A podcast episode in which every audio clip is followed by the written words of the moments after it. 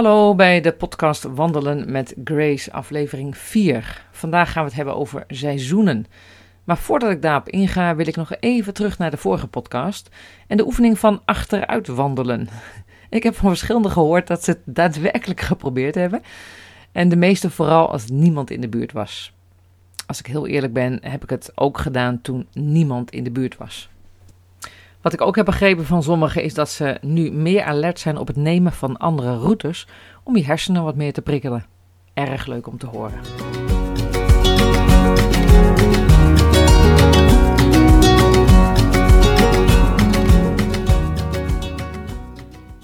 Goed, wandelen en de seizoenen. Als er één ding is wat ik intens heb beleefd in mijn wandelingen met Grace, is het wel de seizoenen. Waar ik normaal gesproken bij slecht weer eerder binnen zou blijven en een andere manier van actief zijn zou opzoeken, gingen we nu elke week erop uit, weer of geen weer. Ik weet dat we één keer wel tijdens de wandeling overlegd hebben of we door zouden gaan. We liepen toen al drie uur door de stromende regen. Best wel goede schoenen, regenjas en plu, maar je wordt toch klam en vochtig. Gelukkig stopte het toen met regenen. En we hebben één keer gehad dat we niet goed gekeken hadden wat er verwacht zou worden qua regen en het moment waar we dan zouden wandelen. En die keer liepen we een lange route door de duinen.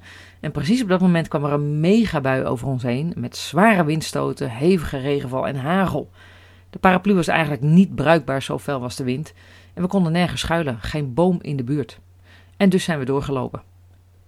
Na een uur lopen kwamen we koud en doorweekt aan bij een restaurant en daar hebben we onszelf toen op een kop warme soep getrakteerd en zijn we één uur blijven zitten, zodat onze kleren lekker konden drogen. Maar dat is ook de enige keer geweest. Verder waren we altijd gekleed op warmte of kou en was het een bijzondere belevenis om alle jaargetijden zo intens langs te zien komen en mee te maken. Seizoenen hebben te maken met tijd, met geduld, met doorleven van wat komen gaat.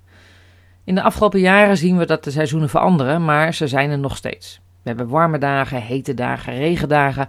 We hebben bomen vol met herfstkleuren, kale bomen, ontspruitende bomen vol in het bladbomen. Het is een feit dat je niets aan die seizoenen kunt doen. Nou, dat is natuurlijk niet helemaal waar, want je kunt ze namelijk ontvluchten. Je hebt de overwinteraars die naar Spanje vertrekken om de natte koude maanden hier te vermijden. Of de lichtzoekers die de donkere maand januari willen opfrissen met een week skiën in de zon. Dus ja, je kunt ze deels vermijden, maar de seizoenen zijn onvermijdelijk. De keuze die ik dan heb, is mee te bewegen met wat ze bieden. En aan mij hoe ik mij hierdoor laat beïnvloeden of beperken. Ik zal het eerlijk zeggen, ik hou niet van de donkere dagen. Ik ben een echt lichtmens. En ik vind de maanden november tot met februari eigenlijk niet zo heel fijn, omdat het al zo vroeg donker wordt. Ik ben heel graag buiten en ik doe dat gewoon liever als het licht is. Maar ik kies er even goed wel voor om er dan het beste van te maken. En ik wandel nog steeds in de avonden. Maar dan spreek ik wat vaker af met wandelvrienden die ik gelukkig in de buurt heb wonen. Het weer kan dan tegenzitten, maar regenweer houdt mij er in ieder geval niet van om te gaan wandelen. En ik weet dat daar de meningen nogal over verschillen. En er zijn er genoeg die echt binnen blijven bij slecht weer. Maar helemaal prima, toch? Vandaag nog zo'n prachtig voorbeeld van hoe verschillend mensen de seizoenen kunnen beleven. Vandaag 9 november was het 16 graden buiten en ik zag een man met een bloot bovenlijf buiten aan het werk en anderen die met hun winterjas een wandeling maakten.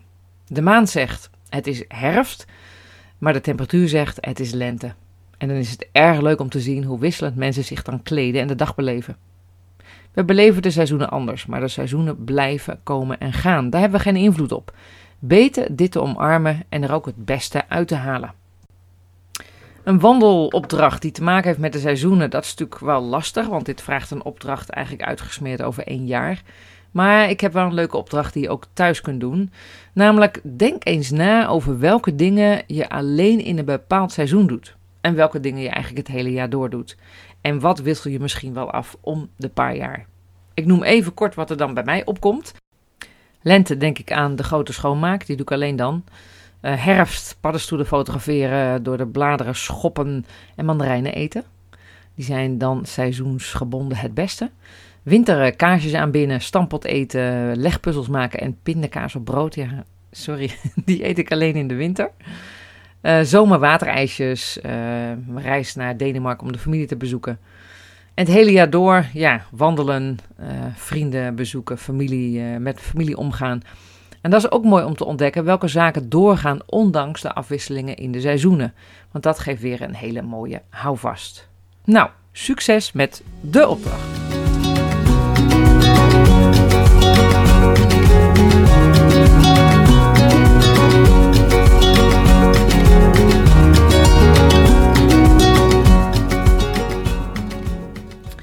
Ja, en zo komen we uit bij deel 2 over wandelen met God. Ook daarin kennen we seizoenen in het leven. Periodes waarin het aanvoelt als lente, maar ook periodes waarin het aanvoelt als guur en koud en zwaar. Niet elke dag is een groot feest. Dat is een streven van menig Nederlander wat eigenlijk niet reëel is. Zoals ik net al zei, kunnen we seizoenen niet sturen. Er gebeuren dingen in ons leven waar we niet altijd grip op hebben. We zitten nu, anno 2020, in een wereldwijde pandemie. En welke mening we daar ook over hebben, het is een compleet nieuw seizoen. Het is anders dan we ooit beleefd hebben. Sommigen vechten er tegen, anderen lijden eronder, weer anderen negeren het en weer anderen passen zich heel makkelijk aan. Ik moest denken aan Psalm 1, de eerste drie versen. Gelukkig is de mens die in de wandeling niet luistert naar de raad van slechte mensen, die niet blijft stilstaan. Er staat er in vers 2: Integendeel, het is voor hem een vreugde te doen wat de Heer van hem vraagt. Dag en nacht is hij bezig met zijn woord. Hij lijkt op een boom die aan de oever van een beek staat. Wanneer het jaargetijde ervoor aanbreekt, draagt hij volop vrucht. Dat vind ik dus ontspanning geven. Seizoenen horen bij het leven en in het gewone leven horen de vruchten er dus vanzelfsprekend per seizoen bij. Geen ramp als ik niet het hele jaar door vrucht draag, eigenlijk zelfs logisch. Al komen we zo ook bij het bovennatuurlijke leven waar andere principes gelden. Ik heb eerder ook prediker genoemd. Prediker 3, waarin staat er is een tijd voor alles. In vers 1 staat er voor alles bestaat een bepaalde tijd. Een tijd om te worden geboren, een tijd om te sterven, een tijd om te planten en een tijd om te oogsten. Dit zijn de seizoenen. En dan staat er in vers 9: Wat bereikt iemand nu werkelijk door hard te werken? Ik heb hierover nagedacht met betrekking tot alle soorten werk die God de mensheid heeft gegeven. En voor alles wat hij heeft gemaakt bestaat een geschikt moment. Ook al heeft God het besef van de eeuwigheid in het hart van de mensen geplant, toch kan de mens al Gods werk vanaf het eerste begin tot het absolute einde niet overzien. Zover het citaat van Prediker. Prachtig. Het is de realiteit dat God het grote overzicht heeft en wij lang niet alles overzien. En soms openbaart God wel zijn geheimenissen en laat Hij ons zien wat er komen gaat. Maar heel vaak komt het neer op vertrouwen. Ik denk dat het wijs is dat ik niet alles weet wat komen gaat.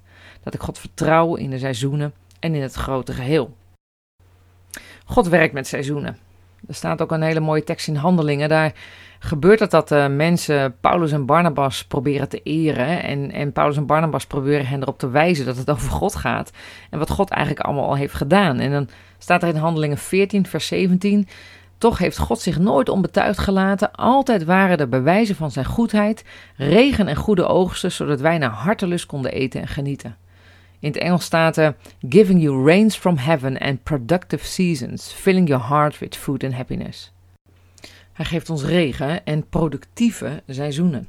Mooi hè? Het zal ons echt veel meer ontspanning geven als we niet vechten tegen de seizoenen in ons leven, maar leren mee te bewegen.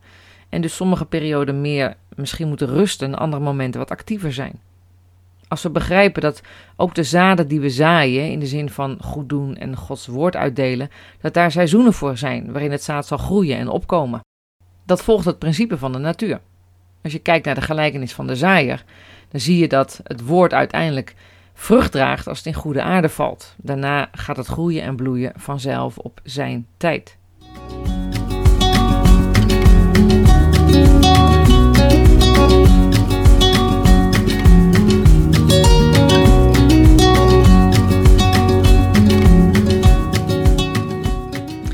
Seizoenen kunnen ook spanning geven. Mijn moeder heeft een deel van haar kindertienertijd meegedraaid in het boerenleven van haar ouders. En zij vertelde me wel dat het hard werken was, maar ook vooral gericht op het weer. De seizoenen spelen natuurlijk een grote rol in het leven van een boer. Veel meer dan iemand die binnen het huis werkt en niet afhankelijk is van het boerenleven. De spanning die dat meebracht en nu nog steeds voor veel boeren met zich meebrengt, is niet bepaald fijn. Je bent gewoon super afhankelijk van de seizoenen. Zo kan het soms onrust geven als je ervaart dat de seizoenen in je leven te veel regen of te veel droogte geven. Dat je tegenslag op tegenslag lijkt te hebben en dat het voelt dat je elke dag wind tegen hebt. Dan is het fijn een God te kennen waarbij je aan kan kloppen en die kan helpen in de moeilijke seizoenen. Hij wil nog steeds naast ons lopen, ook in de droge seizoenen van het leven. En zelfs om ervoor te zorgen dat onze wortels daardoor dieper gaan, op zoek naar zijn water en wij daardoor nog steviger in ons geloof komen te staan. Maar tegelijkertijd is er een God die naast ons loopt, die ook een God van wonderen is, die dwars tegen de logica van de natuur in seizoenen kan veranderen. Zo zijn er soms ook seizoenen in vriendschappen. Seizoenen van werken en van met pensioen gaan. Seizoenen van kinderen krijgen en opvoeden, als dat je gegund is. Er zijn seizoenen van sterfte en van geboorte. Het, het leven dat zich ten volle aandient en waarbij God betrokken is en nabij is. Gods genade is er altijd. Vond ook zo bemoedigend om te lezen in Galaten hoofdstuk 6.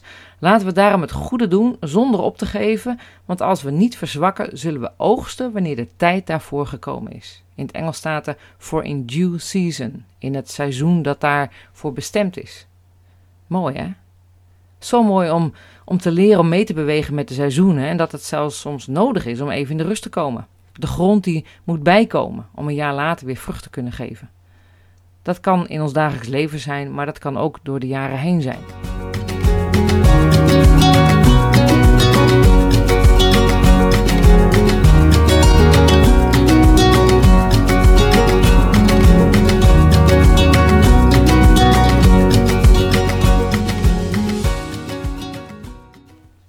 En dan komen we toch ook weer even uit bij de paradox van het leven met God, waarin ja kan betekenen dat we linksaf gaan, maar waarin ja ook kan betekenen dat we rechtsaf gaan en waarin beide kunnen bestaan. Ja, we leren mee te bewegen met de seizoenen en vertrouwen op zijn vruchten en het seizoen wat hij bepaald heeft. En ja, God is groter dan de seizoenen en kan ook vrucht geven als het niet per se het seizoen is, of ingrijpen als we te lang blijven hangen in de winter.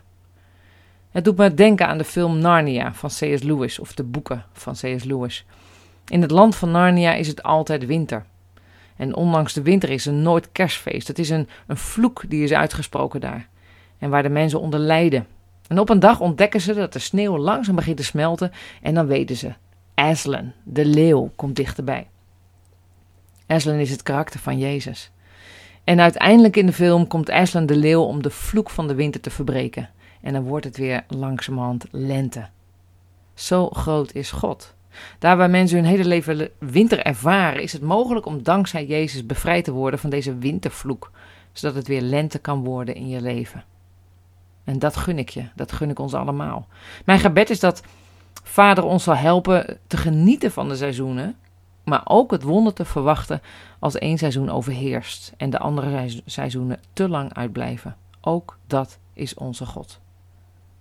Laten we omarmen waar we kunnen omarmen. Laten we meebewegen met de seizoenen waar het nodig is. Laten we rust nemen waar de aarde moet bijkomen. En verwachten dat we ook op zijn tijd vrucht zullen dragen. Seizoenen zijn normaal. Een proces van genezing is normaal. En tegelijkertijd kan God seizoenen veranderen. God kan vrucht geven in het geplande seizoen, maar ook vruchten geven in ieder jaargetij. We hoeven niet alles te weten en alles te controleren. God heeft de controle. Wat stabiel blijft is zijn karakter in elk seizoen van ons leven. En daar zegen ik jullie mee. Tot de volgende podcast.